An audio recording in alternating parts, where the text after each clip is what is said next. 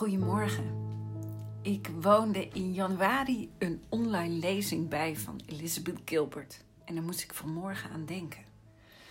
Ze is de schrijfster van onder andere Eat, Pray, Love. Uh, de bestseller gaat over iemand die de wereld overreist om tot bloei te komen als mens. En uiteindelijk het geluk vindt op Bali. In die lezing vertelde Gilbert een ander verhaal. En dat vond ik daar eigenlijk een beetje haaks op staan, op al die grootheid van wereldreizen. Daarom verraste het me. Ze beschreef hoe ze op een dag veel te vroeg in een stad aankwam waar ze een lezing zou geven. Om de tijd te doden besloot ze de buurt te verkennen. En terwijl ze rondliep, zag ze opeens een man op een ladder die iets aan het repareren was. Erg steady stond hij niet. De ladder wankelde vervaarlijk en daarom besloot ze de ladder vast te houden en zo tegenwicht te bieden. Drie kwartier lang hield ze de ladder vast tot de man weer naar beneden kwam. Al die tijd had hij niets gemerkt. En Elizabeth liep weg voordat die man haar kon opmerken. Ze zei: Ik dacht toen, wat als dit het doel van mijn leven is? Wat als dit het was? Dat ik alleen maar op aarde ben om te voorkomen dat deze man zou vallen. En ze vertelde hoeveel lucht deze gedachte haar gaf en hoe het de druk om te presteren wegnam.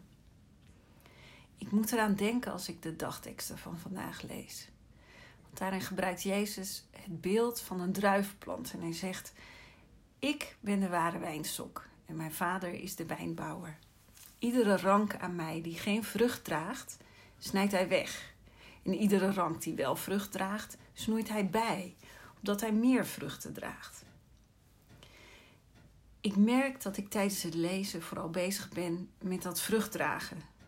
Dat is blijkbaar wat bij mij blijft hangen. Is dat niet zo gek?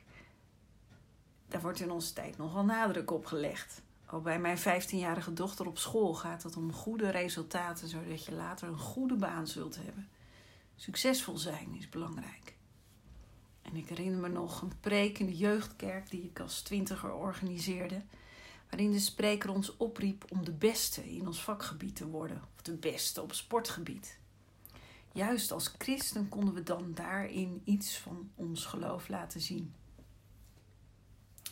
Maar met die focus op de grootte van de vruchten, vergeet je hoe die vruchten eigenlijk ontstaan.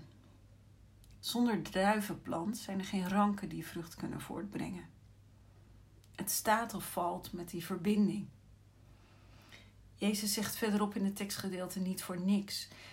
Blijf in mij, dan blijf ik in jullie. Een rank die niet aan de wijnstok blijft, kan uit zichzelf geen vrucht dragen. Wat is uiteindelijk mijn diepste motivatie om resultaten te bereiken? Zijn dat de vruchten waarmee ik wil pronken? Of wil ik Jezus navolgen en alles waar Hij voor stond? En ontstaan die vruchten dan vanzelf? Ik kom wel wat met dat verhaal van Elizabeth Gilbert. Die, e die even de focus van de grootste prestaties afhaalt. Vruchtdragen zit niet per se in grote dingen. Vruchtdragen is liefde, geduld, zachtmoedigheid, vriendelijkheid en goedheid opbrengen. Om bijvoorbeeld te voorkomen dat iemand van een ladder valt. Ook al word je helemaal niet opgemerkt. Ik wens jou en ik wens mezelf een vruchtbare dag. Vrede en alle goeds.